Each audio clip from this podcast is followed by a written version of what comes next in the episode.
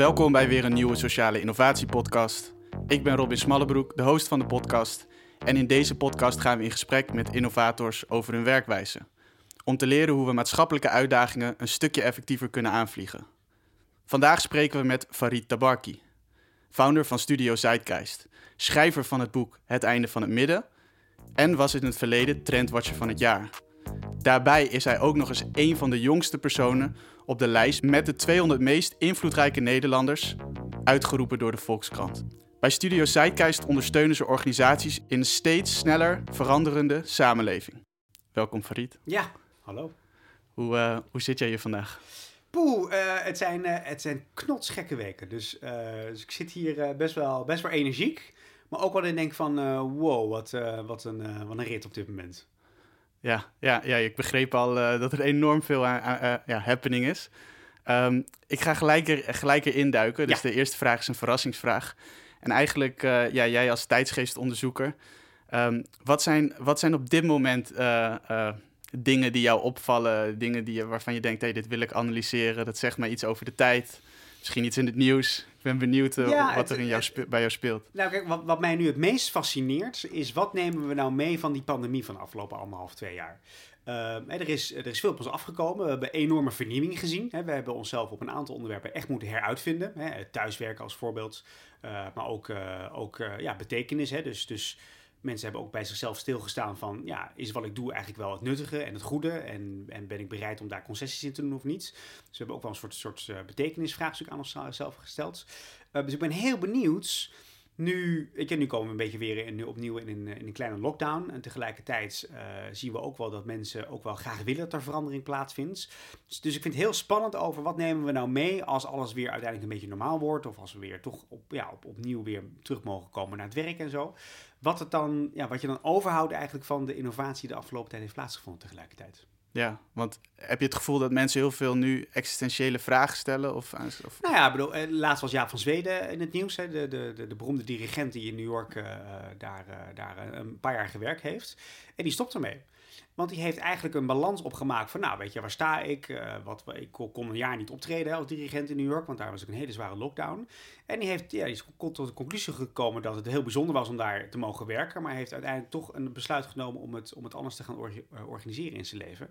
En dat is een hele bekend persoon waarin de media is gekomen dat hij ermee stopt. Maar heel veel mensen zien we toch wel even achter hun oren krabben voor... Uh, ja, eigenlijk was zelf uh, meester zijn over je eigen tijds uh, een heel prettig effect. Hè? Dat je thuis kon werken, dat je, dat, je, dat, je, dat je het overzicht had, dat je zelf uh, besluiten kon nemen over wanneer begint het zakelijk en waar eindigt het privé. Weliswaar allemaal in je thuissetting, maar wel met heel veel uh, eigenaarschap over je eigen tijds. Ja. Ja. dat laten mensen niet zo snel meer van zich afpakken. Tenminste, je mag toch hopen dat, dat, dat de nieuwe balans vinden in, in hoe je ervoor zorgt dat mensen inderdaad echt eigenaarschap hebben over hun leven en over hun processen, maar ook over hun professionele leven. Ja, dat vind ik echt waardevol. Dus ik hoop echt dat we dat overeind kunnen houden. En gesprek kunnen gaan voeren met elkaar binnen je team, met je organisatie, met je werkgever, met je vrienden. Over ja, hoe je dat dan precies doet. Gaaf. Is dat ook een gesprek wat je bijvoorbeeld ook met Studio Zeitgeist kan voeren? Als, ik ben even benieuwd of dat binnen qua onderwerp, zeg maar, binnen de realm valt. Ja, nou ja, heel, heel erg juist. Want wij proberen natuurlijk na te denken over um, hoe verandert de wereld. Uh, wat betekent dat voor organisaties? Wat type strategie past daarbij? En juist deze onderwerpen, namelijk over mensen in hun kracht zetten, mensen autonomie geven.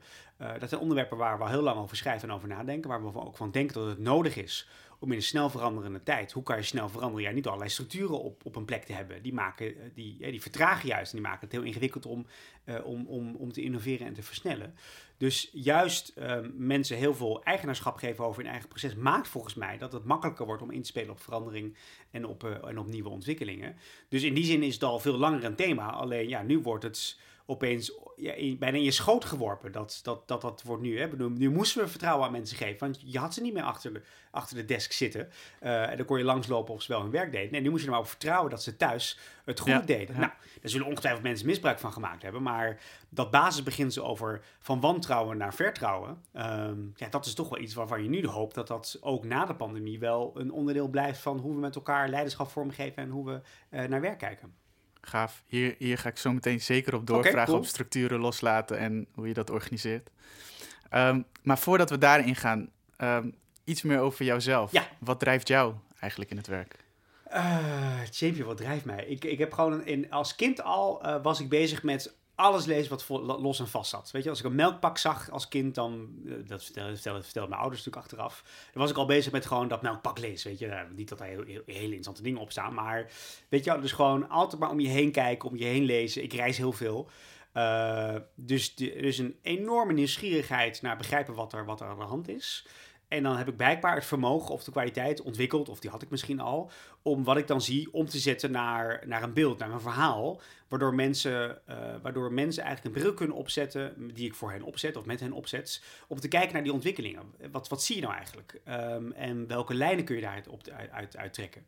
Ehm, dus, ja, dus in de beginsel is het een enorme nieuwsgierigheid naar de wereld door, door veel te reizen en door veel te lezen wat alles er los en vast zit. Daar ook geen hiërarchie in kennen. Hè? Dus ik ben best wel, nou, weet je, lage cultuur, hoge cultuur, intellectuele boeken, eh, strips. Nou, verzin, verzin het allemaal maar, weet je. Het kan, het kan mij, weet je, alle informatie is voor mij in principe relevante informatie.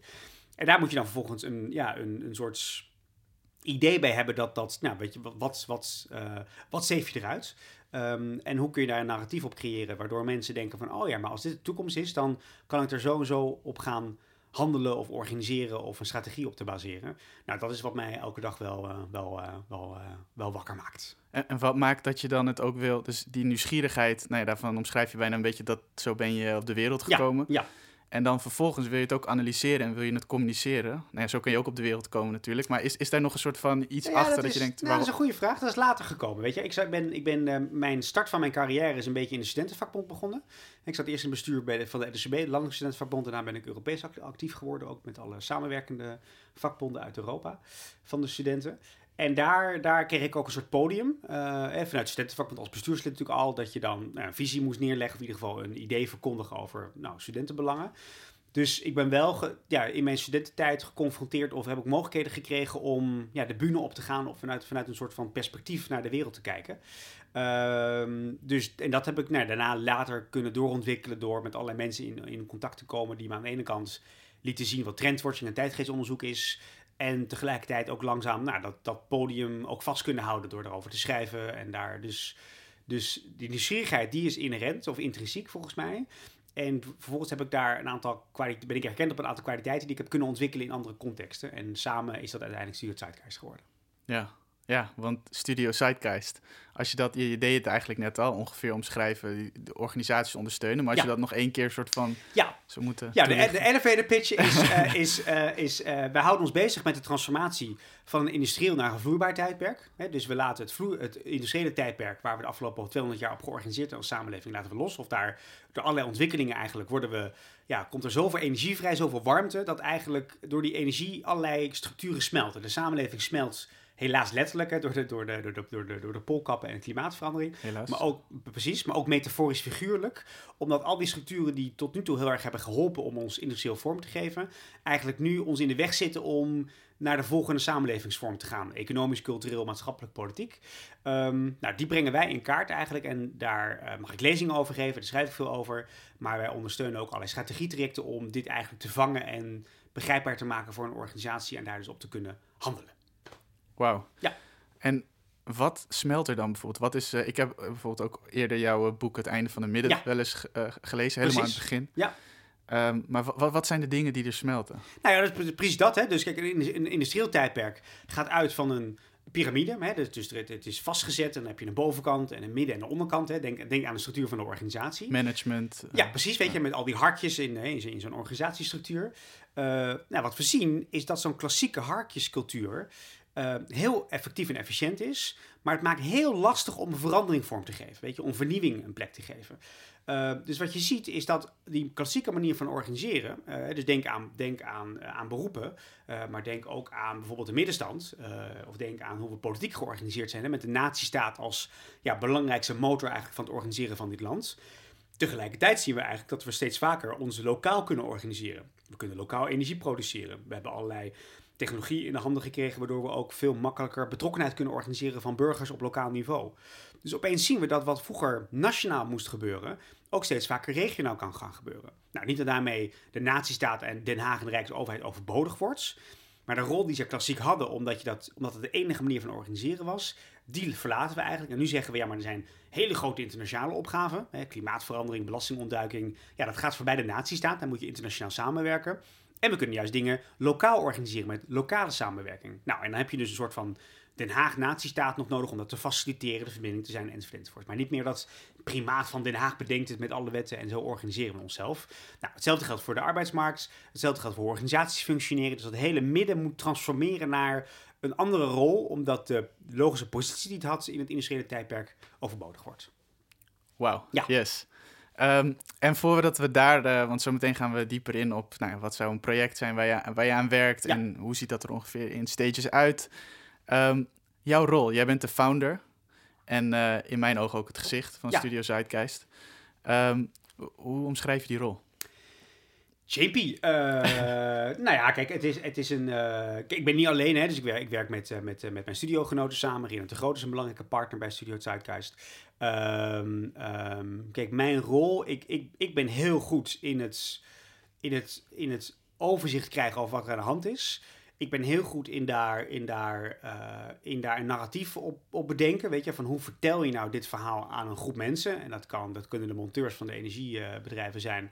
Maar dat kunnen ook de CEO's en de CFO's van alle grote bedrijven zijn. Alles wat tussen zit. Hè? Dus dat is ook de uitdaging van hoe probeer je wat jij ziet aan ontwikkelingen... en wat dat betekent voor de samenleving en organisaties ook voor de doelgroep uh, ja, bereikbaar te maken en, en behapbaar te maken die voor je zit. Dus dat is een ander vraagstuk. Daar ben ik heel goed in.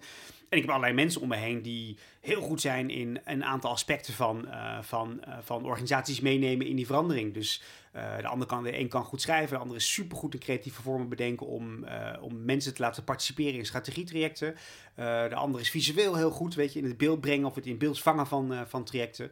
Dus, dus nou, en heel bewust ook het woord studio natuurlijk gekozen, omdat we echt wel nou, die tijdgeest in allerlei creatieve vormen proberen te gieten, die passen bij nou, de vraag die de organisatie heeft, omdat ze daar mee aan de slag willen gaan. Ja, en uh, net bij drijfveren noemde je ook al dat je zeg maar, het analyseren en het perspectief, eigenlijk dat narratief creëren, dat, dat, ja. dat, een, dat het een kwaliteit is. Is dat iets waar je, van, waarbij je altijd ook bewust bent, zeg maar welk publiek je voor je hebt en hoe, hoe je iets overbrengt? Of is dat eigenlijk iets wat ook best wel een natuurlijk iets is? Nou, dat is uh, poeh, een vraag. Um... Gewoon een beetje nieuwsgierigheid naar zo van, uh, ja, waar denk je dan eigenlijk allemaal aan? Wat... Nou, weet je wat de grap is? Um, de, de, ik denk dat, dat, dat we, ik vind dat heel vaak mensen worden onderschat. Dus de grap is eigenlijk, als je een, als je een goed verhaal hebt, dan, um, dan zijn er eigenlijk hele grote groepen mensen die zich in het verhaal kunnen verplaatsen of dat verhaal aannemelijk willen maken. Dus in die zin maakt het niet. Maar, maar het begint wel bij, bij dat, je, dat, je, dat je verhaal uh, en klopt. Hè? Bedoel, hè, het, last, het last van mijn vak is, die kan tien jaar terugkijken en dan zeggen van, nou, wat zei ik toen ongeveer? En is dat een beetje overeenkomstig met hoe we er nu bij zitten? Hè? Dus, dus je kan best wel hard afgerekend worden op wat je ongeveer ziet en wat je denkt. Ja. Uh, uh, dus, één, dus één, het verhaal moet, moet nou, enigszins plausibel zijn, maar ook nog een beetje matchen bij wat er de komende paar jaar uh, staat te gebeuren. Um, en, en, en, en die aansluiting bij die doelgroep, ja, dat zit toch, dat, zit toch voornamelijk, denk ik, in. in, in, nou, dat, dat, dat is het goede antwoord. Dat gaat over de gelaagdheid van het verhaal. Dus uh, als je meerdere lagen in het verhaal kunt, uh, kunt leggen, en dat is best wel onbewust, denk ik eigenlijk, um, uh, dan is er altijd wel een haakje of een laag waar iemand op kan intappen. Kan meta zijn, kunnen concrete voorbeelden zijn, kunnen de woorden die je gebruikt zijn, de beelden die je gebruikt. Dus ik denk dat je, dat je relatief makkelijk grotere groepen kunt bereiken met één type, één type narratief, door, door dat narratief heel gelaagd aan te brengen. Ja, gaaf. Ja. Ja, dit doet me ook heel erg denken aan zo'n uh, video uh, van Fox met een V. En dan hebben ze het over Martin Luther King, hoe die spreekt. En ja. dat hij ook al die verschillende beelden gebruikt om hetzelfde te zeggen. Soms ja. heel poëtisch gaat, soms ja, weer heel concreet gaat, allitereert en zo. Ja, mooi hè. Ja. ja, nou leuk om daarmee te vergelijken. Ja, ja, cool. ja uh, kleine vergelijking. precies. Oké. Okay. Um, en als ik me een, uh, een project moet voorstellen waar je bijvoorbeeld nu aan werkt, of misschien een project uit het verleden dat super uh, sprekend is, waar, waar begint dat dan? En wat is dan een, bijvoorbeeld een probleem dat je, of een uitdaging die je aanpakt? Nou, wij worden, uh, ik denk waar wij, de organisatie waar we veel mee samenwerken zijn organisaties die onze analyse delen. Hè, dus die denken van nou inderdaad, die vloeibare samenleving komt eraan. Dat betekent dat we ons anders moeten organiseren, veel meer vanuit netwerken moeten denken, vanuit transparantie, uh, uh, vanuit, nou, vanuit een overvloed van mogelijkheden in plaats van schaarste. En um, dus dat is het uitgangspunt. En vervolgens ga je op zoek naar, ja, wat is hier nou nodig? Hè, soms, heel vaak is er eh, nou, niet alleen autoriteit nodig, maar ook een manier, een vorm waardoor mensen ook dat kunnen internaliseren. Hè? Dus, dus zichzelf kunnen verplaatsen in wat je bedoelt en dat ook zelf beginnen te vinden of dat, dat ze zelf ook zien. Want het gaat er mij niet om dat ik de waarheid probeer te prediken. Nee, je wil uiteindelijk dat mensen ehm, ja, agency, hè, dus, dus, dus, dus, dus de, de, de, mogelijkheid krijgen om, om met die visie hm. zelf beter te worden. Uh, zelf zichzelf aan te passen of beter aan te sluiten of te begrijpen waarom bepaalde dingen gebeuren.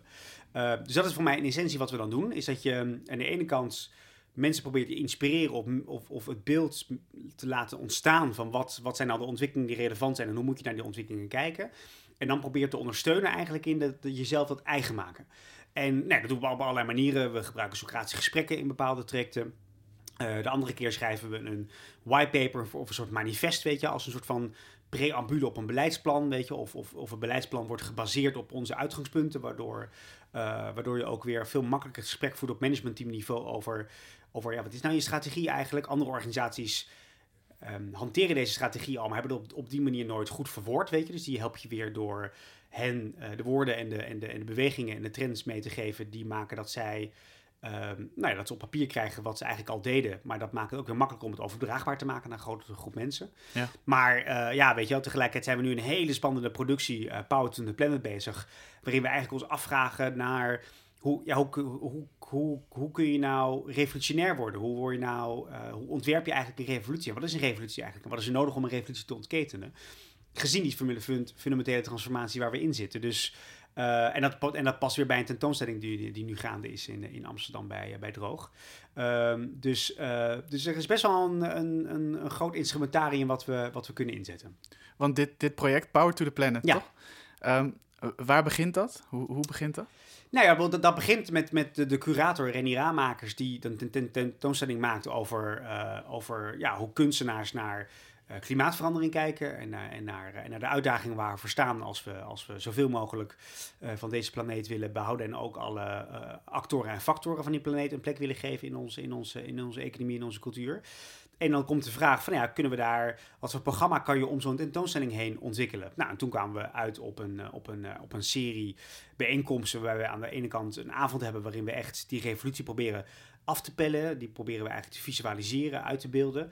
En daarna gaan we in labs en wat kleinere groepen ook mensen echt ja, in staat stellen om zelf die revolutie te ontketenen eigenlijk. Uh, dus, en hier zie je weer een soort mix van aan de ene kant ja, schetsen we gaat het heen of proberen te voor te stellen wat ontwikkelingen betekenen op de nou, middellange termijn. Hè. Ik bedoel, Studio Tijdkaart houdt zich bezig met analyses van de komende 10 tot 15 jaar. Hè. Daarboven kom je bij de futurologie, daar zijn we wat mhm. minder uh, sterk in, dus iedereen heeft zo'n competenties. Hè. En echt... Uh, je hebt ook echt trendbureaus, maar die kijken natuurlijk juist tot, tot ongeveer vijf jaar. Hè? Dus dat is een beetje dan de, het onderscheid uh, wat, je, wat je kunt maken. Dus die kracht van, nou, wat is nou een beetje de, de middellange termijn ontwikkelingen, maar dan ook weer ja, op een relatief creatieve manier proberen aan te vliegen door daar mensen op die manier mee aan, in aanraking te laten komen, dat is toch wel waar wij, denk ik, uh, het best tot ons recht komen. Ja, en um, nou ja, je omschrijft dat dus, die, er is zo'n, jullie, hebben, jullie bedenken dat er vier van die sessies komen. Ja. Um, en je schrijft een soort visie. Wat, wat is er in zo'n visie um, essentieel om te zorgen dat je die mensen tijdens die sessies de goede kant op laat bewegen? Of... Ja. Um, wat is essentieel? Nou ja, wat essentieel, ik, wat, ik, wat, ik, wat ik altijd hoop, wat, wat, wat, wat ik hoop is dat iedereen. Kijk, iedereen ziet dingen, iedereen ervaart dingen, iedereen heeft zijn eigen uh, kennis en vaardigheden die hij of zij of hen mee, meeneemt. Um, wat, je, wat je probeert, en wat ik ook altijd als ik met mensen samenwerk of, of mensen bij Studio Tijdkrijs betrokken raken, is verzinnen aan je eigen manier om een blik op die wereld te hebben en te creëren. En daar een eigen vorm voor te bedenken. Dus ik gebruik zelf, ik heb al jarenlang gebruik ik een soort, heb ik een soort archiefsysteem van hoe ik allerlei dingen die ik zie probeer te archiveren, waardoor ik er altijd bij kan als ik het nodig heb voor een lezing of een artikel of, een, of iets wat ik aan het ontwikkelen ben. Uh, en zo heeft iedereen zijn manier um, om, uh, om de kennis die je opdoet een plek te geven in wie je bent en wat je bent en hoe je dat kunt, uh, kunt inzetten.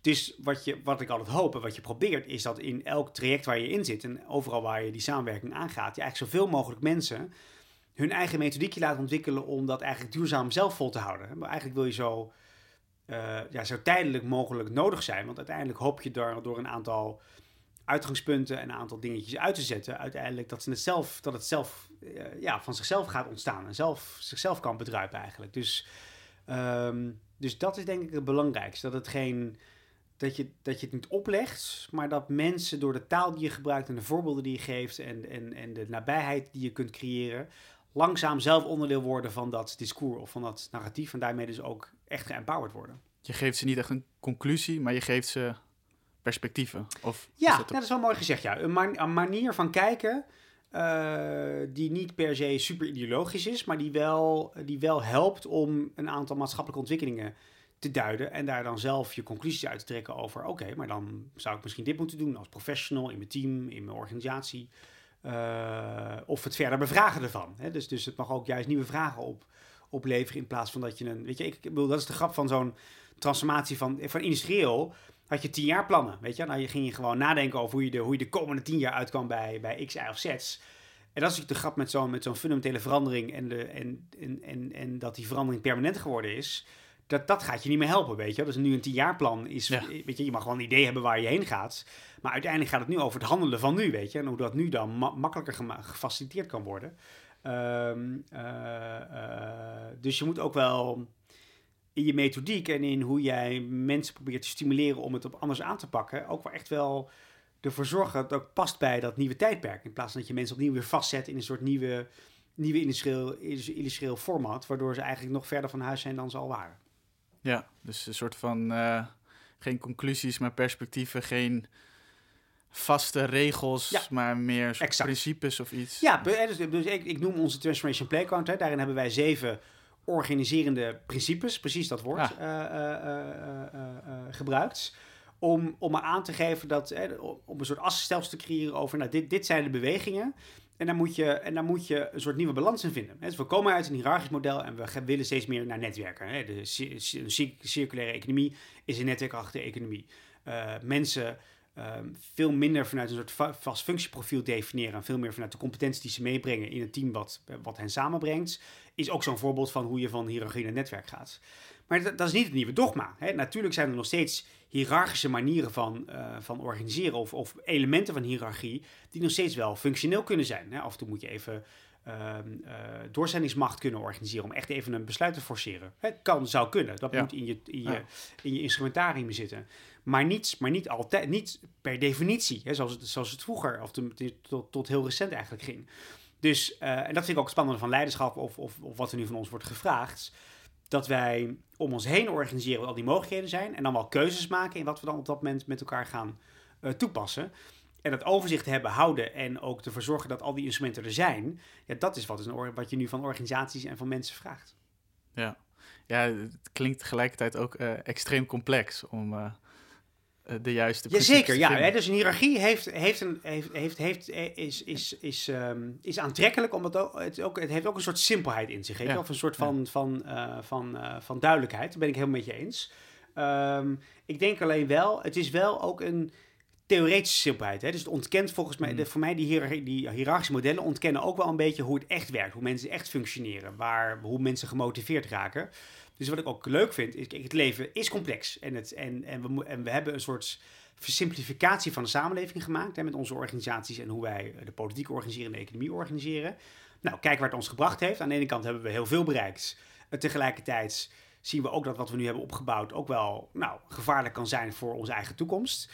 Dus, um, dus wat dichter bij hoe het leven echt functioneert, namelijk dat het leven van, van zichzelf complex is, dat is eigenlijk ook wel weer, denk ik, passend bij uh, het zoeken naar de juiste oplossingen voor de opgave waar we nu voor staan. Ja, ja geen oogkleppen op. Doen. Nou, om maar eens wat te noemen, precies. Ja, ja. nou, of, nou, en, en je ook, weet je, dat, dat merk ik zelf ook in de trajecten waar wij nu waar in zitten. Mensen hebben heel vaak last van vermeende regels. Hè, dus die vermeende regels? Vermeende regels, ja. Dus die regel is er helemaal niet, dat het niet kan of dat het niet mag of whatever. Maar die hebben het soort van geïnternaliseerd of belangrijk gevonden of om erachter te schuilen. Hè, dus in die zin, dat, dat vind ik zelf heel, heel spannend van die verschuiving van, van vast naar vloeibaar. Um, uh, uh, is hoe Um, kijk, vloeibaar klinkt heel spannend en weet je, er zijn allerlei mensen die, dat, die zich daar heel erg bij lang bij voelen. Maar het is ook eng. Hè? Het is ook veel beweging, het is veel verandering. En uh, nou, je kunt veel van mensen zeggen, maar veranderlijkheid zijn we niet zo goed in. Hè. We vinden de enige vorm van zekerheid, vinden veel, veel mensen heel prettig. En daar wil ik ook niks aan afdoen, want dat is waar ze uh, nou, comfort uithalen. Ik denk zelfs bij mezelf ook dat ik op sommige vlakken ben ik vrij flexibel, maar op andere nou, vlakken ook heel conservatief. Nou, precies, precies. En dat is helemaal prima. Dus, dus, de, dus dan is de zoektocht, wetende dat die samenleving best wel snel, radicaal uh, verandert en dat die versnelling permanent geworden is hoe haal je dan nog hoe, kunnen mensen nog steeds wel hun, hun zekerheid borgen, weet je, of, of zich comfortabel voelen? En daar moeten we dus naar op zoek. Sommige mensen halen, uh, halen comfort uit financiële zekerheid. Uh, de ander heeft het uit het gevoel voor dat levenslang ontwikkelen ertoe leidt dat je altijd wel relevant blijft op die arbeidsmarkt of in die samenleving. de ander haalt comfort uit de verbinding met de ander. Nou, er zijn zoveel manieren van comfort en zekerheid. En wat we tot nu toe gedaan hebben, is dat puur aan financiën koppelen. Of, uh, of, uh, of puur aan nou, een vaste baan voor, voor de rest van je leven. Uh, en nogmaals, ik kan me heel goed voorstellen dat dat de zekerheid biedt die mensen nodig hebben. En tegelijkertijd um, denk ik ook dat je op andere manieren, hè, die hele discussie over van, van baan- naar werkgarantie, dat die banen die veranderen nogal snel. Maar kunnen we nou met elkaar zo organiseren, op regionaal niveau bijvoorbeeld, dat, er, dat die mensen door te blijven ontwikkelen altijd relevant blijven voor die arbeidsmarkt. En dat er altijd wel ergens iets is waar hun competenties uh, in worden ingezet. Dat vind ik een veel interessantere discussie dan baanzekerheid. Uh, want dat leidt uiteindelijk namelijk dat je, dat je je hele carrière altijd relevant bent op die arbeidsmarkt. Dus altijd wel ergens een baan hebt, als je het toch per se zo wil noemen. Um, maar ons zo focussen op die zekerheid, terwijl we ook om ons heen zien dat die banen zelf continu aan het veranderen blijven, ja, dan, dan, dan draai je ook een rad voor de, uh, voor de ogen van mensen. En dat is volgens mij juist het gevaar wat we soms doen. En dat, dat mensen juist daar onzeker van worden. Van ja, maar je zegt dit, maar ik zie dat. Dus nu beloof je iets wat eigenlijk niet te realiseren was. En daar nou, worden mensen angstig van. En dat heeft weer politieke repercussies. Uh, daar worden mensen onzeker van. Daardoor gaan ze beslissingen nemen die misschien helemaal niet verstandig zijn voor de langere termijn. Ja, enzovoorts. Ja. ja, en die transitie lijkt me dan ook wel verdraaid lastig. Dat de mensen die in, dat, in die verwachtingen of in die patronen al zitten, dat... Tuurlijk. Toch? Ja. Nou ja, en, en, en ook daar moet weer een balans. Het is niet zo dat weet je, alles op zijn kop moet, je alles moet loslaten. Weet je, ook dat, ook dat moet, moet een proces zijn. Dat je, dat je langzaam, weet je, dat, dat is ook menselijk, weet je, dat je moet wennen aan de nieuwe situatie en dat je dan opeens wel de voordelen ervan inziet door het gewoon te ervaren en te zien. En dat, en dat, dat, weer nieuwe zeker, dat je daar weer nieuwe zekerheid opbouwt. Aan de andere kant tegelijkertijd uh, um, geven we ook veel te weinig um, importantie aan rouw. Dat als je bepaalde dingen moet loslaten, als, je, als, je, als je ergens belangrijk was in de organisatie en ja, die belangrijkheid wordt niet meer afgemeten door de leaseauto of door, door de, doordat je de baas bent. Maar dat die importantie op een andere manier wordt, wordt gewaardeerd. Moet je mensen ook wel de mogelijkheden geven om het jammer te vinden. En om, om, en om daar uh, over te praten dat ze dat een verlies vinden. En dan komt er vanzelf ook weer ruimte voor dat ze de winst gaan zien. Maar dat, ja, weet je, dat gaat niet altijd per se vanzelf. Dat je zelf de knop opzet van, oh, maar dit is fantastisch en nu, ga ik een, uh, nu komt Hosanna. Nee, laat mensen ook maar gewoon um, praten, accepteren en, en, en in het reinen komen met dat er ook dingen zijn waarvan het jammer is dat we dat moeten loslaten. Maar hopelijk kunnen we daar wel iets beters voor terugkrijgen. Maar dat moeten we wel met elkaar gaan uitpluizen. Hoe doe je dat? Ik vind dit zo'n herkenbaar ding en ik denk het is ook zo menselijk. Nou ja, door, door ja, het gesprek wat wij nu erover voeren, weet je. Dus, dus dat, precies wat je zegt, weet je, de herkenning daarvan. En dan zelf proberen, want dat is natuurlijk altijd de grap van zo'n van andere organisaties ondersteunen in strategieontwikkeling. Kijk, uiteindelijk moet je het wel zo vormgeven dat het past bij de context van die organisatie. In die zin is ook niets, weet je, werken wij niet met een soort standaard mal van, nou, zo doen we het, we gaan van, uh, van A naar B naar C naar D naar E. En je moet, je moet gewoon maar beginnen, weet je, en het vertrouwen met elkaar uitspreken van, nou, weet je, die eerste stap, daar gaan we zeker wat aan hebben. En als die ze gezet hebben, gaan we naar de volgende stap en naar de volgende stap. Nou, dat, dat veel iteratiever werken, dat is best wel spannend, want ja, dan heb ik dus niet een klus van, uh, van, uh, van heel veel euro's, maar dan zet ik gewoon een eerste stapje met een, hè, met een bescheiden bedrag. Nou, dat werkt blijkbaar. Dan gaan we de volgende stap met elkaar zetten. Het was wel fijn vroeger natuurlijk dat je gewoon zeggen van nou, ik wil gewoon een, uh, weet je, ik wil gewoon een zak geld en dan gaan we het een jaar, jaar lang met je doen. En nu zeg je nou, we gaan deze twee maanden proberen en dan kijken we wat, of we met elkaar de volgende, of dat je zegt van nee, maar je hoort een andere partner bij om deze stap goed met elkaar te kunnen zetten. Dus ook je eigen zekerheid hè, oh, en je eigen model van, nou, dat was natuurlijk lekker, lekker makkelijk, dat je gewoon uh, één, uh, één ding neerleggen, neer, neerlegde en dat je daar maanden, jarenlang op, op door kon gaan. Ook dat moet je jezelf bevragen. Dus je moet ook je eigen ja, comfort bevragen en, en, en, en, daar, en je comfortabel voelen bij ja, die nieuwe aanpak. Ja, en, en zijn er in dat werken dan wel bijvoorbeeld een paar brokken of een paar dingen waar je altijd op terugvalt en dat je daar een beetje mee aan het schuiven bent? Dus dat er, of is het echt elke iteratie weer kijken van oké, wat gaan we Nou. doen, wat voel ik hierbij? Ja, nou, een mix. Hè. Kijk, eh, de- natuurlijk heb je een... Weet je, dat is het leuke van dingen uitproberen. Op een gegeven moment heb je natuurlijk ook een aantal dingen die goed werken... en die je vaker wil toepassen. Dat gewoon leervermogen en waarvan je ziet dat dat goed werkt. Dus, dus, je, dus je bouwt een instrumentarium op... en, dat, en die instrumenten kan je volgens op allerlei manieren eh, inzetten. Maar heel vaak is dat bijna nooit copy-paste, copy-paste. Hè. Dus het is altijd wel een beetje aangepast... omdat het... Nou, wat je hebt geleerd van de vorige keer... en toen heb je gezien dat dat goed ging en dat ging minder goed. Hè. Dus ook je eigen iteratie gaat ook gewoon over nou ja, het bijschaven en, en, en, en, en aanpassen van iets wat goed werkte, maar wat anders wel een stukje beter kan. Ehm, ehm, en, eh, en, en tegelijkertijd is de automatische piloot je grootste vijand wat mij betreft, weet je. Dus, dus, dus het helemaal denken van ja, maar dit is een copy-paste. Ja, ik denk niet dat dat zo, zo werkt, weet je. Zou makkelijk zijn en zou, eh, weet je, ook bij mijn lezingen, weet je. Ik bedoel, ja, hoe, hoe makkelijk zou het zijn om gewoon drie keer per week dezelfde lezing te kunnen geven, weet je. Dat zou natuurlijk ideaal zijn, eh, want dan heb je ook heel veel tijd over andere dingen. Maar ja, weet je, ook, dat is misschien ook iets dan hoe je zelf in elkaar zit, weet je wel. Dat kan ik gewoon niet, weet je. Er is altijd wel iets wat je nieuws gelezen hebt. eh, bij de vorige lezing de vraag die je hebt teruggekregen of, of een antwoord van iemand anders. En ik denk van ja, maar dat, dat, ja, dat, is, dat, is, dat maakt het net weer wat beter, wat concreter of als een beter voorbeeld. Dus ehm, ja, weet je, dus in die zin groeit je eigen verhaal ook in de verbinding die je wil maken en in de voorbeelden die je ook toegespeeld krijgt of waar je van leert omdat je, omdat je dat podium mag krijgt en ook weer de feedback krijgt van allerlei mensen die denken van ja, dat is herkenbaar en dat doe ik zo. Oh, dat is interessant, dat ga ik dan weer de volgende keer gebruiken, weet je. Dus dat, ja, daarmee wordt het ook allemaal eh, steeds rijker. Ja. En dat, en dat systeem, want dat fascineerde me net ook toen je dat zei. Je Ja. zei dat je een soort van archiefkast hebt voor jezelf. Ja. Hoe, hoe, hoe bouw je dat ongeveer? eh? De Holy Grail. Ja, ja Chimpy. Ehm, Al de tweede Champy-vraag. Ja, ja, ja. Eh, hoe bouw je dat? Nou ja, het begint met, met de. ehm, het begint met het willen terug kunnen vinden. Eh, en, ja, ik lees zoveel en ik zie zoveel en ik maak zoveel mee. Dat, eh, ja, dat je ook gewoon na een jaar of na een half jaar gewoon dingen weer ja, ergens weg hebt gestopt waar je niet even bij kan. Dus voor mij is het eh, heel belangrijk om af en toe gewoon even door mijn archief heen te kunnen browsen. En daar gewoon te van, oh ja, oh, dat ben ik helemaal vergeten. Maar dat is eigenlijk nog steeds een heel goed voorbeeld of uitgangspunt die ik nog eens een keer moet uitzoeken of die ik ergens een plekje kan geven. Ehm, dus dat is het.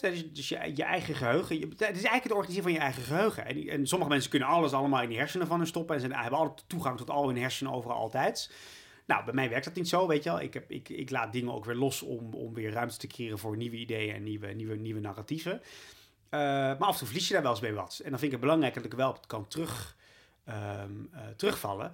Plus, wat je ook ziet, is dat door een paar jaar terug te kunnen, je ook, denk, je ook kunt zien van, oh ja, maar dat toen paste dit verhaal op die manier in, in, in, in wat ik probeer over te brengen. Maar nu is eigenlijk nog steeds een heel goed voorbeeld, maar ben ik ook, ben ik ook verder in wat ik eigenlijk precies bedoel. En kan ik het opnieuw her, ja, herbenoemen of herframen eigenlijk.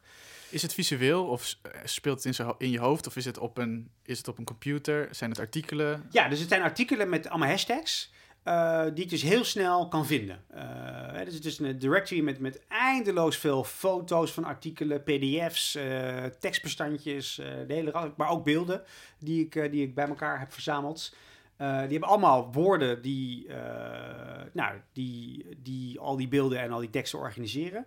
En daardoor kan ik heel snel, als ik, op, als ik denk van, oh ja, maar, dit, maar nu ben ik bezig met, met netwerk. Nou, dan typ ik netwerk in en dan komt er echt een hele lijst met allerlei dingen die ik de afgelopen jaren relevant heb gevonden rond dat thema. En dan, uh, ja, en dan, en dan ja, word je ergens aan herinnerd. Dan, uh, dan denk je, oh ja, dat is, dat is interessant, heeft die een keer gezegd. En daar ga ik dan gebruik van maken. Dus uh, ja, zo, ja. En, en in, die, in, die, in die transities, je gaf net ook aan van ja, het is ook voor zo'n organisatie, het lijkt me ook fijn inderdaad, maar vooral gevoelsmatig, dat het nuttig is als mensen ook zo'n soort van archiefkast hebben. Maar wat, Ja. is, wat is de functie daar eigenlijk van? Voor, voor, voor mensen in een organisatie? Nou, om, um, een van de technieken die wij toepassen is backcasting. En backcasting, het leuke van backcasting is dat dan ben je dus eigenlijk bezig met, met, met scenario's uitwerken, dus toekomstscenario's. Maar allemaal vanuit je eigen, uh, vanuit je eigen kader. Met, dus, dus, dus, dus we hebben een keer laatst een backcasting sessie gedaan. En daar was de hele organisatie aanwezig, van secretariaat tot en met de strategen en de, en de, en de manager. Nou, dat vind ik super spannend dat je, dat, je, dat, je een, dat je een techniek kunt toepassen. waardoor de hele organisatie mee kan, mee kan ontwikkelen, eigenlijk. wat die toekomst zou kunnen zijn. Hè, of wat het gewenste scenario is, hè, of een scenario zou kunnen zijn. En hoe je dan die, dat scenario realiseert. En niet omdat dat scenario de, waarheid is en dat we allemaal naar die kant op moeten. maar om af te kunnen pellen wat er allemaal nodig is om iets te realiseren. Ehm, welke actor heb je nodig, intern, extern? Ehm, welke instrumenten heb je, moet je met elkaar gaan inzetten om dat scenario te bewerkstelligen?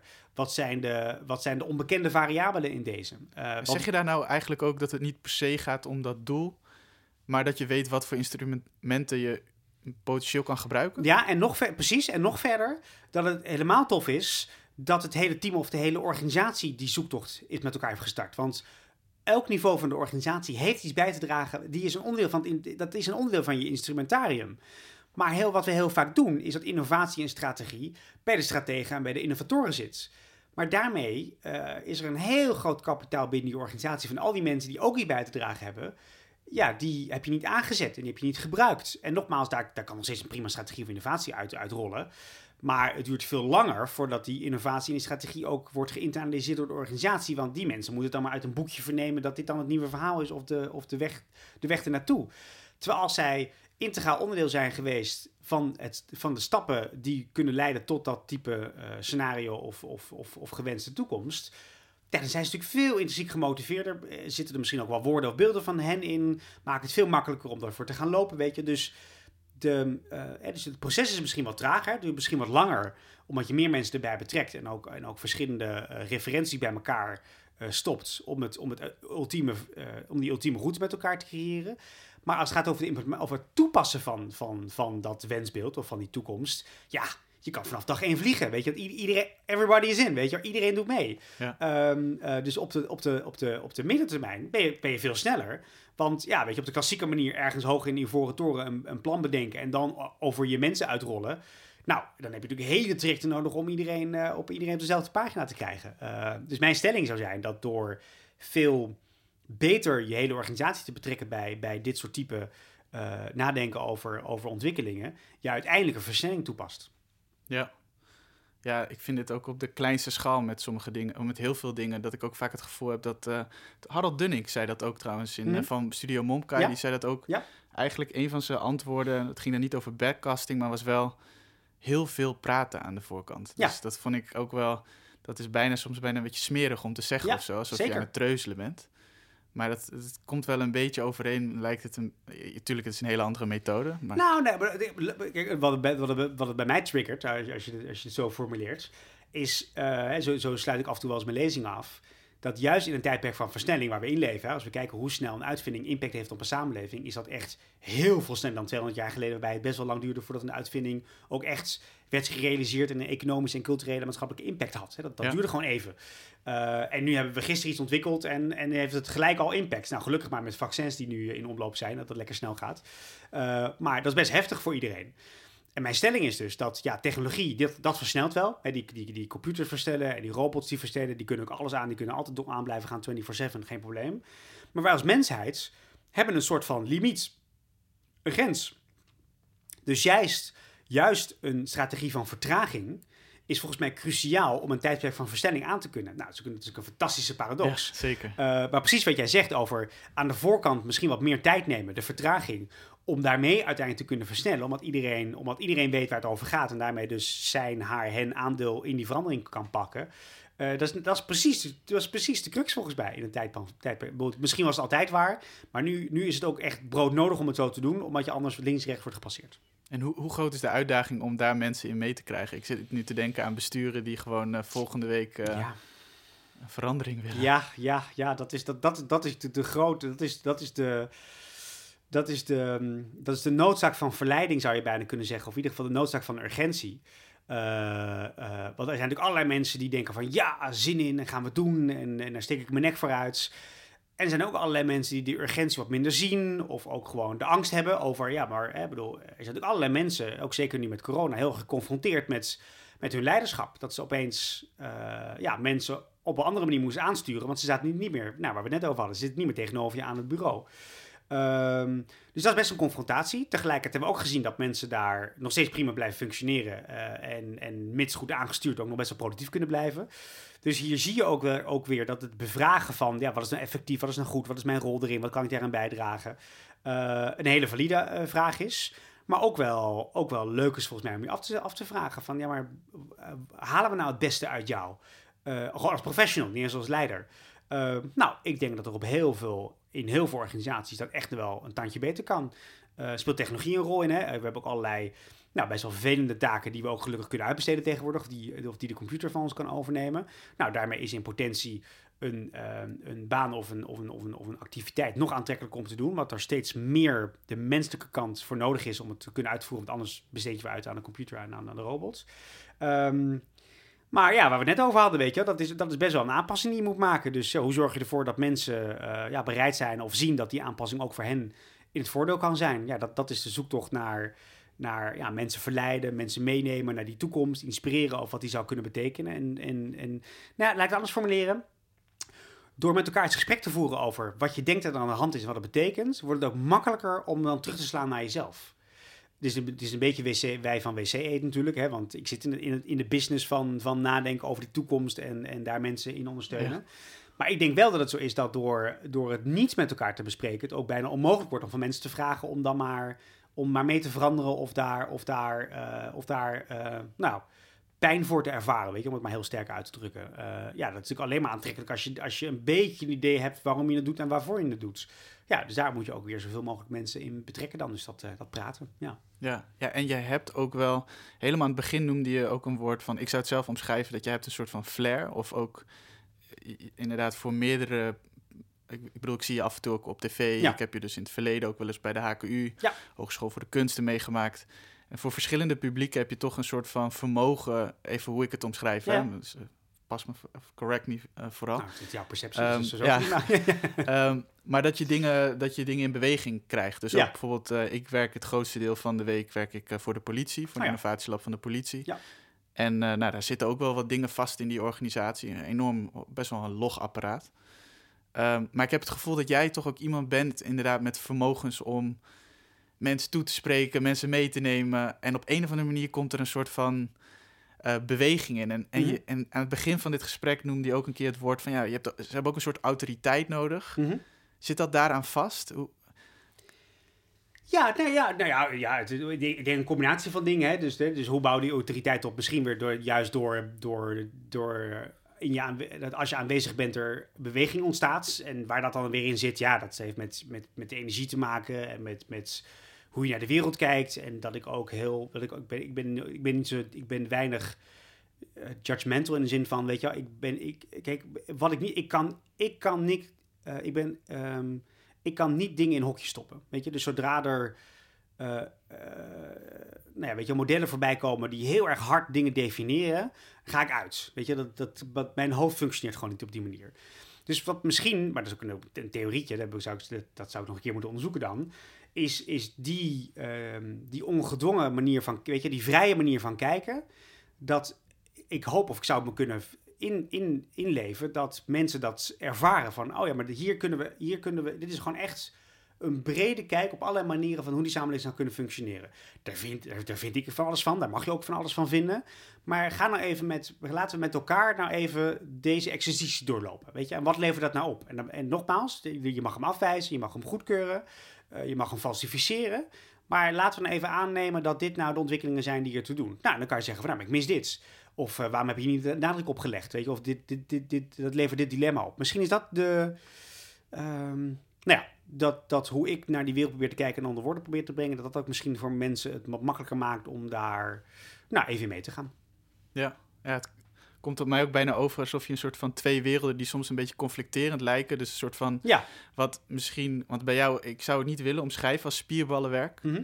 Maar een soort van, je hebt wel een, een duidelijk verhaal en je weet dat Ja. met energie over te brengen. Tegelijkertijd ehm, ben je best wel bereid om heel veel van de, de dingen die je stelt in dat narratief, afslagen die je neemt, Ja. om daar een andere afslag in te nemen. Zeker, Dat vind ik best wel een bijzondere Ja. combinatie.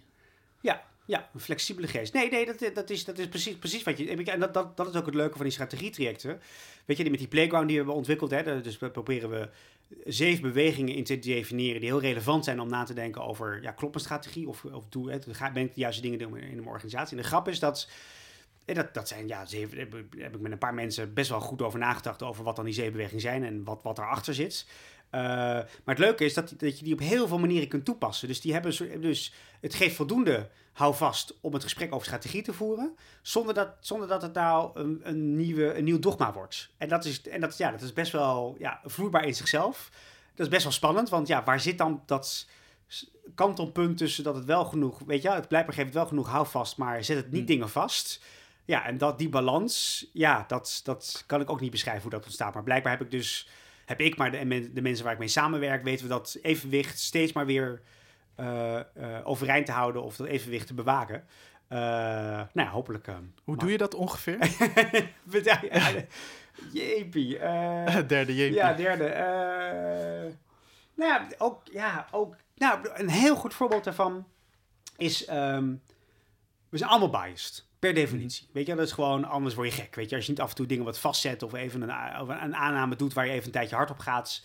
eh, wat anders wordt het wel, misschien wel heel vluchtig. Weet je, nou, misschien kom je dan in de kunstenaarshoek terecht. Maar eh, weet je, de meeste mensen denken dat, dat die dat ingewikkeld vinden. Waarom ik heel veel reis. Ik, ben, ik probeer alle landen van de wereld te bezoeken. Dat is een van mijn missies. Ehm, eh, ehm, is precies om, die, om, om mij er bewust van te blijven dat ook ik biases heb. En, en, als, door, e- en door reizen is een van mijn methodes, ehm, methodieken om die bias door te prikken. Of even weer bewust te zijn van die bias. En dat maakt volgens mij dat bewustzijn dat ik, dat ik altijd, ja, ik zou het niet relativeren willen noemen, maar altijd er bewust van ben dat, dat je, hoe je naar dingen, dat, dat, dat er zoveel perspectieven zijn om naar iets te kijken. Ehm, en dat is misschien nou, wat, wat, wat, wat, wat, wat, wat jij dan bedoelt met, eh, ehm, met zo, met zo eh, nou weet je wat dan, de, wat dan de truc is om dat een beetje, eh, om dat evenwicht te bewaren. Ja. Ja. ja, want het is natuurlijk ook niet niks. Ik bedoel, je staat nu in die lijst eh, met 200 invloedrijke Oh, wat een druk. mensen. Ja, nee, maar je, maar je stond er ook al in. En nu nog een van de jongste, maar op het Ja. begin was je de jongste. Zeker, ja. En ik vind dat toch wel een soort van. nou ja, het is, het is ook wel een beetje wat de tijd of zo lijkt. Te, we hadden het hiervoor er ook heel kort even over. Mhm. Maar grappig genoeg, het lijkt ook een soort van alsof iedereen die nu jong is ook een soort van druk voelt of zo. Van oké, wacht, er wordt ook wel iets van ons gevraagd. Ja, graag zelfs. Ja, ja. Ja. Ehm, hoe eerder aan de bak, hoe beter. en, te- en tegelijkertijd is het natuurlijk wel een enorme kunst, zeg maar, om, om, om hier een soort van houvast op deze tijd te hebben. Dus eh, Ja, goed, ja. Nou, ja, ik- en, daar, daarom, daar, we begonnen ook net met dat, dat het eh, knotsgekke weken zijn. ja. Kijk, juist nu ook naar die pandemie, weet je, er is zoveel gebeurd. Mensen zijn zo benieuwd naar, wat blijft hier nou van over? Of gaan we terug naar het oude normaal? Weet je, al, al, al die kreten.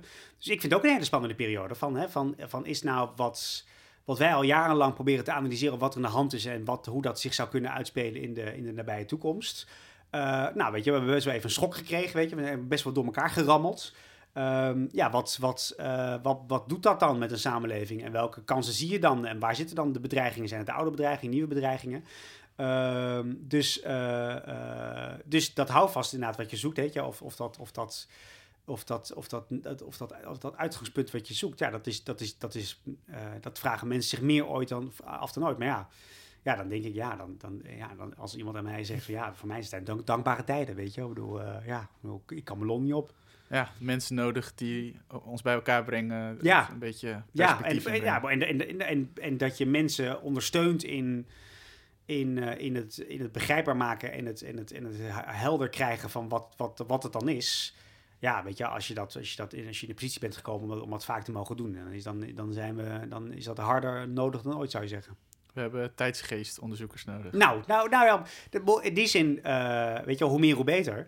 Eh, eh, dat is precies wat ik ook bedoelde met die bril opzetten, weet je. Ei- ei- wat je. Wat je probeert eigenlijk in de samenwerking die je aangaat, is mensen allemaal dat iets van mee te laten smokkelen, weet je. Iets van mee te geven, zodat ze dat permanent zelf kunnen. En ik denk dat door de metaforen die we gebruiken, hè, dus van industrieel naar vloeibaar, door zo'n playground, hè, van hiërarchie naar netwerken, dat je, dat je ehm, dat je op allerlei manieren en de beelden die we gebruiken, mensen inderdaad, weet je, als zijn er maar twee of drie haakjes die zij zien of nodig hebben om zelf een, een aan zelfactualisatie te doen of zelf in actie te kunnen komen om dan dit en dit in een organisatie te realiseren of gesterkt voelen dat ze het goede aan het doen zijn. Want dat heb je ook nodig. Hè? Je kunt wel het goede aan het doen zijn, maar of heb je ook even nodig bevestiging nodig dat het klopt of dat, dat, of, dat, of wat het wat het grotere plaatje is van wat je aan het doen bent. Daar kunnen mensen heel veel kracht uithalen. Nou, dat zijn allemaal rollen, zeg maar, die, eh, die ik en die we vanuit Studio Tijdgeist... Uh, het is ook een beetje de autoriteit die je, die je, die je dan meebrengt. Nou, ik denk dat autoriteit, eh, mits goed, goed ingezet en ook, ook nou ja, gezond geprojecteerd, bij wijze van spreken, wel heel veel kan bijdragen aan, aan, aan, aan dat mensen inderdaad zich senang bevoelen bij het mee veranderen naar wat de tijd nu vraagt. Ja. En um, een beetje richting het einde van het uh, interview ben ik eigenlijk altijd. al. Ja, het, Time flies. ja, nee, ja, ik heb altijd het gevoel, maar dat is het risico. Dat, ik heb altijd het gevoel dat ik twee uur kan doorpraten, Oh, ja, maar dat precies, vinden ja, ja. la- mensen lastiger om op te klikken. Ja, is ook, is ook. dus, eh, dat is ook belangrijk. moment moet je het ook allemaal gezegd kunnen hebben, toch? Ja, ehm, nou en volgens mij is hij super eh, information dense. Nou, dus het is een mooi precies, gesprek. precies, ja. Maar en lekker je- op tempo, hè? Ja, ja precies. Ja. Eh, nee, er is ook nog een andere afsluitende vraag. Maar de vraag daarvoor is eigenlijk: als jij zou moeten omschrijven wat jij in je eigen werk eh, enorm uitdagend vindt, of wat misschien een soort van leer, leercurve is waar je op dit moment zelf in zit, is daar dan iets waarvan je denkt: van, nou ja, dat, dat is het? Nou, eh, ja, nou, heel veel dingen. Eh, kijk, wat ik zelf, waar, waar ik zelf nog beter in wil worden en wat ik wel... Weet je, ik krijg heel veel informatie terug. Ehm, door de lezingen, door de, door de sessies waar je in zit. En, eh, en waar ik nog wel wat beter in, in wil worden, is, is dat... ehm, eh, ik heb een best goed archiefsysteem, dus ik kan veel terugvinden. Eh, maar ik zou dat nog productiever willen maken. Weet je, kan ik nou... Weet je, ik geef het terug in mijn teksten, in mijn lezingen, in de, in de, in de trajecten die we organiseren. Maar ik heb het idee dat er... Dat er nou, precies waar we nu tegenaan lopen, weet je wel. Ook in een bepaald soort tijdsbestek kan je, kan je zoveel kwijt. Ehm, kun, je, kun je mensen nog betere voorbeelden geven en nog meer vanuit hun eigen perspectief laten zien wat, wat er kan en wat nodig is. Eh, dus, eh, dus dat vind ik zelf een, een, een uitdaging. Hoe bedoel je perspectief over wat er kan en wat er nodig is? Nou, dus, dus, eh, dus, dus, dus, dus vorige week zit, zit je bij de, nou toevallig ook bij de politie, bij de, bij de politie Rotterdam, Ah. maar mag je een lezing geven. Nou, daar, daar, daar leer ik weer heel veel dingen van. En dan vind ik het altijd, altijd een uitdaging. Hoeveel van het geleerde kan ik nou meegeven naar de volgende? En waar en welke voorbeelden en welke manieren van vertellen weet ik al dat het werkt, weet je? Dus een beetje die trade-off tussen aan de ene kant wat...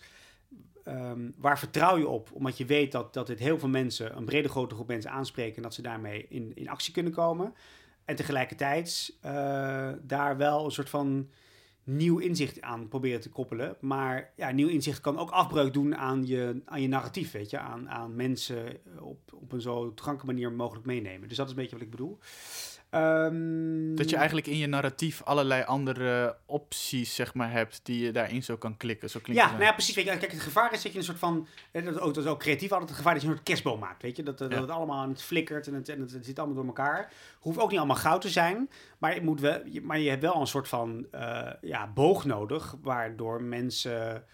Weet je, je probeert veel te vertellen. Nou, door, door die, gelaagdheid, dus die gelaagdheid. Mhm. Welke laag voeg je naartoe en welke laag laat je weg? Of kan het nog een laag hebben? Nou, dat is eigenlijk, eigenlijk de, de, de, de spanning waar ik altijd in zit, weet je. Van wanneer, wanneer heeft iets geen zeggenschap kracht meer... of wanneer is iets zo evident geaccepteerd in de samenleving... dat ik het ook niet hoef te benadrukken. hè. Je wil ook niet, zeg maar... eh, eh, eh, ja, de, de, de, de, de platgetreden, platgetreden paden ehm, eh, bewandelen.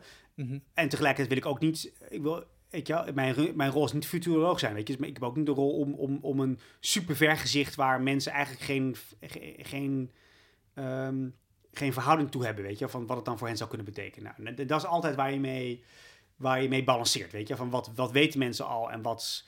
En waar willen ze in, in ondersteund worden? En wat weten ze nog niet, maar zouden ze wel moeten weten en hoop je ze op aan te zetten? Ja. Klinkt bijna als een soort Studio Zeitgeist AI moet zijn die dan nog een soort van ja, precies. Nou, goed idee. Ja. Ja. Nou, gaan we, gaan we bouwen. Ja, Cool. leuk.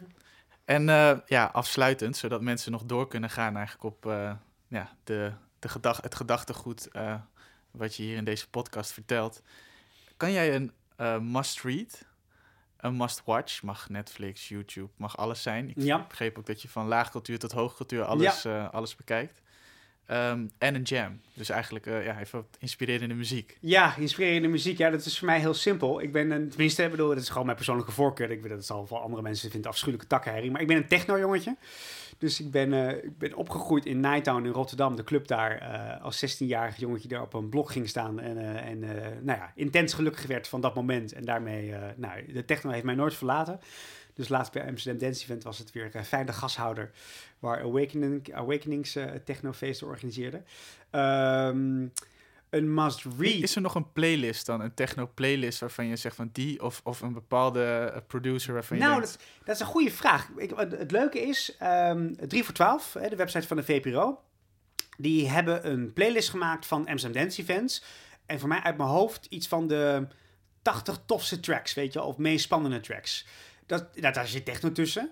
Maar eigenlijk, waar, ik, dus mijn, mijn hart gaat van het techno, maar in mijn vak en wie ik ook ben in nieuwsgierigheid, ben ik benieuwd naar alles wat er ook daarbuiten is natuurlijk. Weet je, daar, Ik hoef niet best naar het feest, maar ik wil het wel weten. Dus die playlist van 3 voor 12, hè, als het gaat over jam en tracks, ja, die ben ik nu aan het beluisteren. Want ik wil, ik wil horen wat die redacteuren en die, en die, en die curatoren zou je kunnen noemen, bij elkaar hebben verzameld aan wat zij spannend vonden aan muziek. En soms is dat oude muziek, soms is het nieuwe muziek, soms is het een crossover, weet ik veel. Uh, dus, dus ja, dat is een goede vraag die je daar stelt. Weet je, uiteindelijk ben ik altijd bezig met, met, um, met proberen te duiden over wat is er nou anders aan nu en, en, en waar zien we nieuwe ontwikkelingen en waar zien we ook juist dat een track het heel goed doet, maar eigenlijk een hele oude track is, weet je, dus en dat bij elkaar. Dus dus mijn echte, echte tip, dank, dank, dank voor het doorvragen. Zou die 3 voor 12 uh, uh, selectie op Spotify zijn van uh, nou, de, de meest boeiende tracks van, van de Amsterdam Dance Event. Ook omdat die diversiteit daarin zit opgesloten. Um, qua boek, nou, mijn eigen boek natuurlijk, maar... Uh, maar het einde van de midden. Het einde van de midden, precies. Nee, um, uh, ik vond Jeremy, Jeremy Lanier, Who Owns the Future... is een jaar of zeven oud volgens mij nou ja, echt een totaal. Hij is een Silicon Valley guru. Heeft, schrijft heel lang over internet. Echt een enorme ziener. En dat boek is echt. Nou, weet je, zeven jaar oud is, dus, dus in de actualiteit van tegenwoordig zal het iets aan, aan kracht hebben ingeboet. Maar briljante denker, briljant boek. En wat, wat ik, een klein, een klein uh, soort van tipje van de sluier. Wat... Ja, dat is dus wat hij ultiem zegt. Hoe onze future gaat voor hem over. kan technologie er nou voor zorgen dat we zelf eigenaar worden van allerlei dingen. dus eigenlijk, eh, als we, hij had, het eigenlijk over een voorloper van de bitcoin. Kun je nou, um, uh, nou, deze podcast, die gaat de wereld in, maar kan nou, zodra mensen die podcast weer met elkaar delen en er een transactie plaatsvindt over het internet, uh, daar verdient iemand aan omdat er een uh, advertentie bij zit, bla bla, kan nou 0,001 cent van die advertentie weer terug naar mij komen als deelnemer van die podcast. Of naar jou als maker van de podcast. Ja. Uh, nou, weet je, dat is een heel erg kapitalistisch gemonetized idee. Maar het gaat over het eigenaarschap. Weet je, wie is nou eigenaar van wat we creëren met elkaar? En stelt technologie ons nou niet in staat om dat veel democratische vorm te geven. In plaats van de, nou, de Silicon Valley's die allemaal nu uh, heel rijk worden, maar daarvan niks teruggeven in ieder geval.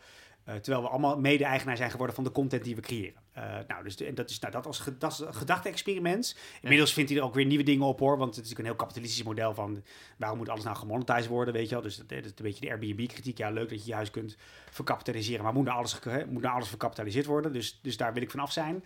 Maar het idee van, ja, weet je, van wie is iets en kan je de geziene ontwikkelingen daar andere modellen op, op loslaten? Vind ik super spannend. Weet je, niet om nou te pleiten voor dit model, maar wel als gedachte-experiment. Dus dat is een super tof boek. En een ander boek is, dat is ook alweer wat ouder, maar ook gewoon als gedachte-experiment. Uh, George Friedman is uh, de oprichter van, dan ben ik even de naam van het bedrijf kwijt, maar hij is een soort private. Dus je kunt, dus hij heeft een heel bedrijf uh, met allemaal mensen die nadenken, die allerlei contacten hebben overal en daarmee informatie opdoen. En dat is geopolitieke informatie. Maar hij heeft ook het boek The Next 50, The Next 100 Years geschreven. Ook, dit, dit is een jaar of tien oud, dus inmiddels The Next 90 Years. Waarin hij gewoon de komende 100 jaar voorspelt. Nou, weet je daar, daar gaat het natuurlijk op allerlei manieren op naast zitten. Maar weet je, de poging om op een, uh, op een, met de informatie die je nu hebt voorspellingen te doen over 10 jaar, vind dat is al spannend, hè? dat is mijn vakgebied. Ja. Over 20 jaar, nou, poe gaat er maar aan staan. Maar de 100 jaar. En hij nou, doet één scenario. Nou ja, dus, uh, uh, uh, hij doet politiek, hij gaat politiek, okay. politiek langs, economisch, cultuur, dus op alle manieren, ge geografisch, weet je wel, Duitsland, Japan en Turkije. Um, nou ja, weet je wel, nogmaals, niet, niet omdat het nou klopt wat hij zegt, maar gewoon, gewoon als het nou gaat over nadenken over de toekomst en hoe je dat doet en, en, en hoe je dat dan opbouwt, fantastisch. Ja, dat klinkt als kunst. Ja, ja bijna wel, ja. ja, ja. ja. En heb je nog een must-watch? Oh ja, een must-watch. Uh, ja, heb ik zeker, heb ik zeker. Uh, uh, daar, daar, eindig ik mijn lezingen namelijk wel eens dus mee. eigenlijk ook dit soort vragen zijn eigenlijk heel leuk om aan jou te stellen. Want dan komen gewoon ja, direct antwoorden. Nou, dan gaan we naar de andere kant van de cultuur. Naar Hollywood. want we hebben het, over, we hebben het een beetje ook over leiderschap gehad. Hè? En een van de vraagstukken waar we nu voor staan is... eh, precies wat je aangaf, hè, toenemende complexiteit, die los je niet op met één type superheld, hè, met één type leiderschap. Uh, en, en nou, de superheld kennen we, en dat is vaak een man altijd geweest, Superman, Spider-Man, nou, noem ze allemaal op. Mhm. Die heeft één kwaliteit, uh, webs kunnen maken of een superkracht, en met die superkracht kon hij, soms zij, de wereld redden. Nou, de grap is dat Hollywood dat uh, model op zijn kop heeft gezet. Hè. De, dit leiderschapsmodel komt uit Hollywood. Hè, die, die ene man met die ene kracht die de wereld redt. Maar vier jaar geleden kwam er een filmcyclus uit, The Avengers, ja. uh, die het hele concept op zijn kop zette. Die zeiden van, ja maar, één superheld de wereld redden, weet je, alsof je met één kracht de wereld gaat redden. Dus de Avengers, hè, de, de filmcyclus van de laatste, twee, de, de, laatste twee die bij elkaar hoorden, er waren alle 27 superhelden waren nodig om de wereld te redden. Alle 27 van Marvel moesten met elkaar, met al die kwaliteiten, mannen, vrouwen, nou, noem het allemaal op. Die veelkleurigheid en die diversiteit van kwaliteiten, die moesten werkzaam gemaakt worden. Dus de verschillen overbruggen. Om daarmee nou, het grote kwaad te kunnen, te kunnen, te kunnen, te kunnen bevechten. Um, nou, dat is nou precies het type leiderschap wat nu wordt gevraagd. Kun jij in het team wat je hebt geformeerd de juiste kwaliteit op de juiste manieren aanzetten op het moment dat het nodig is voor de organisatie om de volgende stap te zetten. Dus wat mij betreft is die Avengers de ultieme film als het gaat over de toekomst van leiderschap. Uh, uh, en dan ook nog een keer uh, nou ja, briljant op het grote scherm verpakken natuurlijk. Wauw, ja, ik vind het fascinerend hoe jij dan ook naar een film kan kijken als iets inderdaad wat in de tijdsgeest staat. En volgens mij is het ook de best verkochte, ja. Of, uh, toch? Ja, dus de nummer 2 was volgens mij, ik, ik, weet niet, ja, maar had hij, heeft hij nummer 1 gehaald? Nee, maar, maar heel, in de top 3 zeker. En ja. misschien was het wel de best verdiende film ever, klopt. Ja. Denk jij dan ook dat een film als dit, bijvoorbeeld uh, 30 jaar geleden, Ehm, dus te complex was geweest met zoveel helden en dat we toen gewoon één Superman wilden? Nou ja, over, over van hiërarchie netwerken gesproken. Ik denk inderdaad, over, sowieso, als je, over, over versnelling gesproken, weet je, ga, ga naar een serie kijken van 20 jaar geleden. Weet je, en afhankelijk van je leeftijd heb je misschien ook toen nog zelf toen nog gekeken. Uh, echt de traagheid, jongen, weet je wel. En de, en, de, en, de, en, de, en de narratieven zijn zo niet gelaagd, weet je wel. Het is echt één verhaal met één hoofdpersoon, weet je. En het, gaat, en het, en het, en het, en het duurt maar voordat ze tot een conclusie komen ja, als je dat nu vergelijkt met, weet je, met die producties van tegenwoordig bij Netflix onder andere, met, weet je al, meerdere talen, super gelaagd, de snelheid, weet je al, nou weet je, je moet, als je epilepsie hebt tegenwoordig, heb je echt een probleem volgens mij, weet je, wat je het allemaal kunnen, kunnen bijbenen, bij wijze van spreken.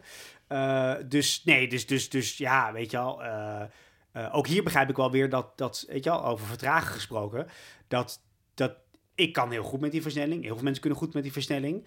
Ik snap ook dat mensen afhaken of dat ingewikkeld vinden. Dus ook hier zijn we weer op zoek naar een soort comfort, weet je Van ja, waar, waar, waar moet je afhaken of waar moet je juist de, tegen, de tegenstrategie hanteren om het allemaal nog een beetje leuk te houden. Maar, uh, nee, maar inderdaad, nee, die film was natuurlijk... Uh, uh, in de avant-garde is, het altijd, is er altijd geëxperimenteerd met nieuwe verhalen en nieuwe manieren van denken. Maar het is heel veelzeggend dat juist in de mainstream, en daarom gebruik ik het voorbeeld ook dat een mainstream film zo'n type onderwerp helemaal op zijn kop zet. Hè, namelijk leiderschap vanuit één persoon en leiderschap vanuit iedereen. En dat dat precies de spiegel is die de samenleving nu voorgehouden moet worden. Want dat is precies waar we nu mee aan het struggelen zijn. Ja, vind ik weer enorm empowerend. Ik van ja, weet je wel, bedoel, ja, weet je, als je het zo kunt uitbeelden in een film van, van twee uur die fantastisch is, dan uh, hoop ik dat er heel veel mensen naar zitten te kijken van, oh, eigenlijk moet ik dat ook nu dan in mijn team gaan doen. Dankjewel. Dit is eigenlijk ook nog even een kijkje in een soort van een beeld pakken en als trendwatcher. Ja, uh, ja, precies. Ja. Ik snap dat het een het van de Smit. is. Ja. um, ja, ik wil je bedanken voor een supermooi gesprek, want ik, ik zit nu ook tegelijkertijd terug te halen wat we allemaal besproken hebben. Maar over de gelaagdheid van verhalen, eh, het vertragen, backcasting aan de voorkant, mogen rouwen, uh, in het middendeel. Ik denk dat er heel veel uh, verschillende dingen... En ik vergeet nu nog heel veel, omdat we ja. midden in... Wat zoveel te vertellen, zoveel over... over ja, ja, klopt. Ja, ja. Leuk. Um, ik hoop dat jij het ook een uh, fijn gesprek vond. Zeer, zeer, zeer. Ja. ja hartstikke bedankt voor het maken van tijd. En um, iedereen ook heel erg bedankt voor het luisteren. En dan zien we jullie de volgende keer weer. Ciao.